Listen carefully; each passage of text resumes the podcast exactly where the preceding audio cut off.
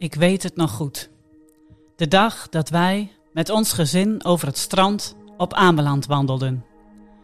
We hadden genoten van het pootje baden en schelpen zoeken in het heerlijke warme zeewater. Het woei hard, maar hier aan zee kon ons dat niet deren. Tot de terugweg kwam.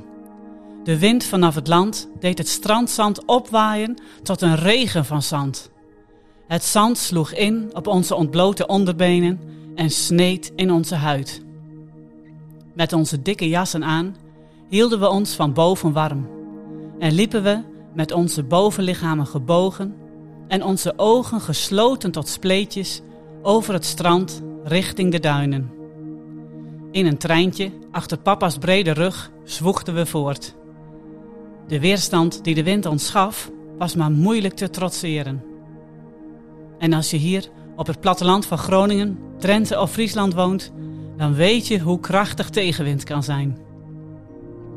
Opnieuw verwonderd was ik toen ik las over de vergelijking tussen de werking van de wind en de werking van de geest. Wind en geest. Twee betekenissen uit één Hebreeuws woord. Het woord ruach. Zou het lopen tegen de wind in te vergelijken zijn met het lopen tegen de geest in?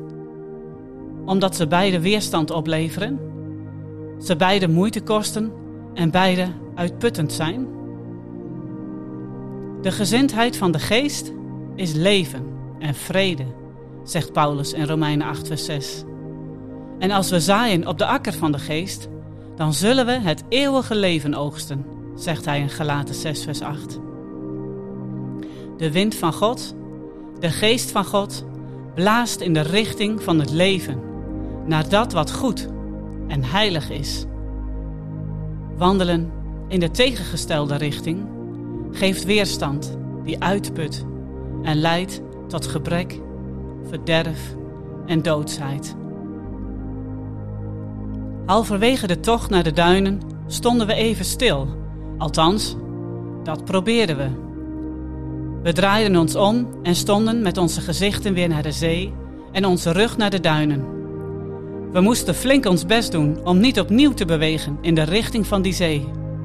En als we ons zouden laten gaan, dan hadden we een persoonlijk record gelopen op de afstand tot het water. Want lopen met de wind in de rug, het geeft je vleugels. Wind in de rug geeft vrede en vreugde. Wind in de rug is heerlijk. En misschien wel letterlijk. Lopen met Gods wind in de rug is heerlijk met een hoofdletter H. De weerstand is weg en we ervaren dat de kracht van de wind ons nu helpt en ondersteunt in onze wandel. Het strand, de grond onder onze voeten of de omstandigheden kunnen precies hetzelfde zijn en mooi, moeilijk of meer alledaags. Maar als we wandelen in de richting die de Geest ons wijst en in Zijn kracht gaan, dan ervaren we de wind in de rug. Misschien is vandaag de dag om eens te kijken in welke richting jij wandelt. En als je ergens in je leven tegenwind ervaart, keer dan om. En de goddelijke wind zal jou in de goede richting blazen. Een heerlijke herfstdag toegewenst.